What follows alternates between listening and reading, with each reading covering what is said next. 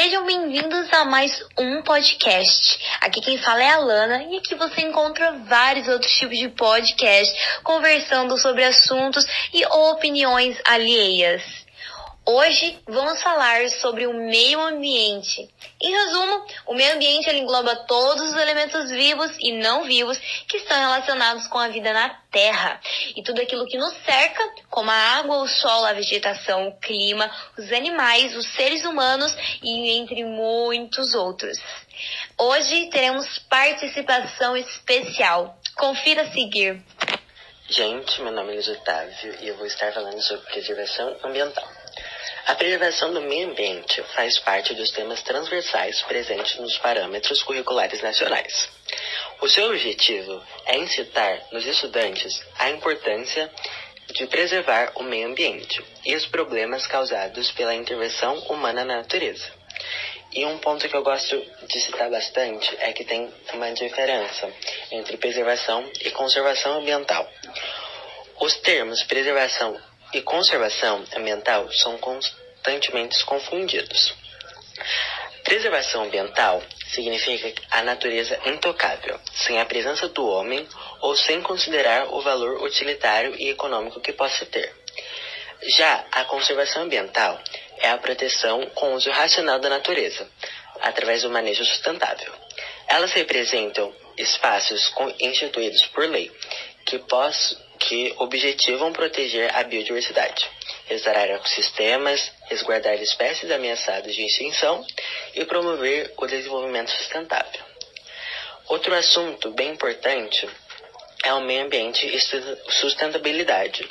A sustentabilidade é um termo abrangente, que envolve também o planejamento da educação, economia e cultura para a organização de uma sociedade forte, saudável e justa. O termo sustentabilidade surge da necessidade de aliar o crescimento econômico com a preservação ambiental.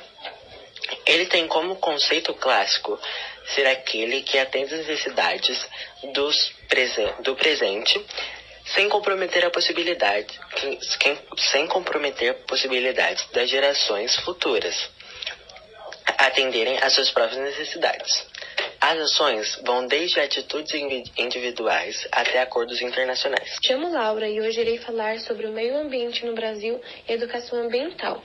A Política Nacional do Meio Ambiente define alguns instrumentos e, através dela, o meio ambiente é definido como um conjunto de condições, leis, influências e interações de ordem física e biológica que permite a vida em todas as suas formas.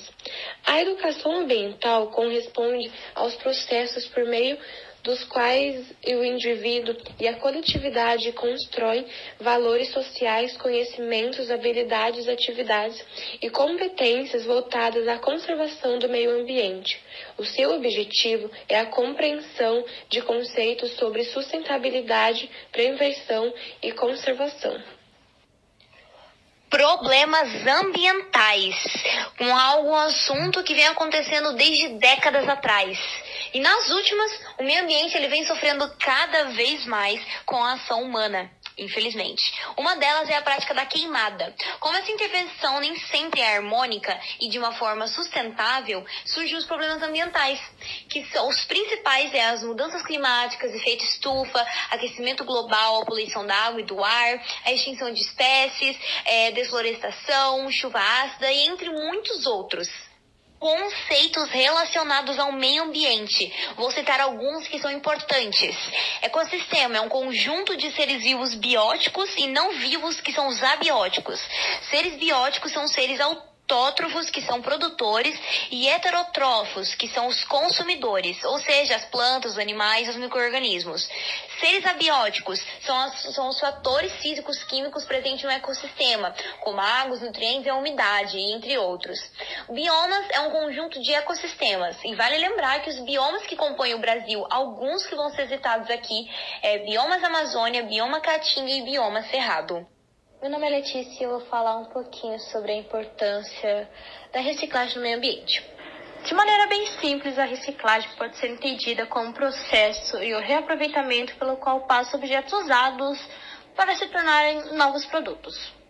E ambientalmente, os benefícios da reciclagem são muitos, a começar pela redução da poluição do ar, das águas e do solo. E com a coleta da reciclagem também diminui no volume de resíduos em terrenos, lixões, depósitos e aterros. E vou falar agora alguns materiais que são muito utilizados na reciclagem, que é o papel, o vidro, o plástico e o alumínio. Portanto, conscientize-se. A grande maioria dos materiais que simplesmente descartamos no lixo pode ser reciclado. A reciclagem é a peça fundamental na preservação e na melhoria do nosso planeta. Os possíveis efeitos do coronavírus sobre o meio ambiente podem ser tanto positivo quanto negativo, tendo se mostrado positivo em relação à redução dos impactos ambientais provocados pelas indústrias e comércios, já que muitas empresas e lojas pararam temporariamente sua atividade para evitar a disseminação do vírus. O fechamento de fábricas e do comércio, além das restrições de viagem, resultou em redução nas emissões de CO2, redução do uso do combustível, do, dos combustíveis fósseis, redução na geração de resíduos e do uso da matéria-prima. Contudo, há seus efeitos negativos. Afinal, pode haver uma maior geração de resíduos domiciliares e de saúde, que inclusive pode não receber um desti uma destinação adequada legalmente correta. Foi o nosso podcast. Obrigado por assistir.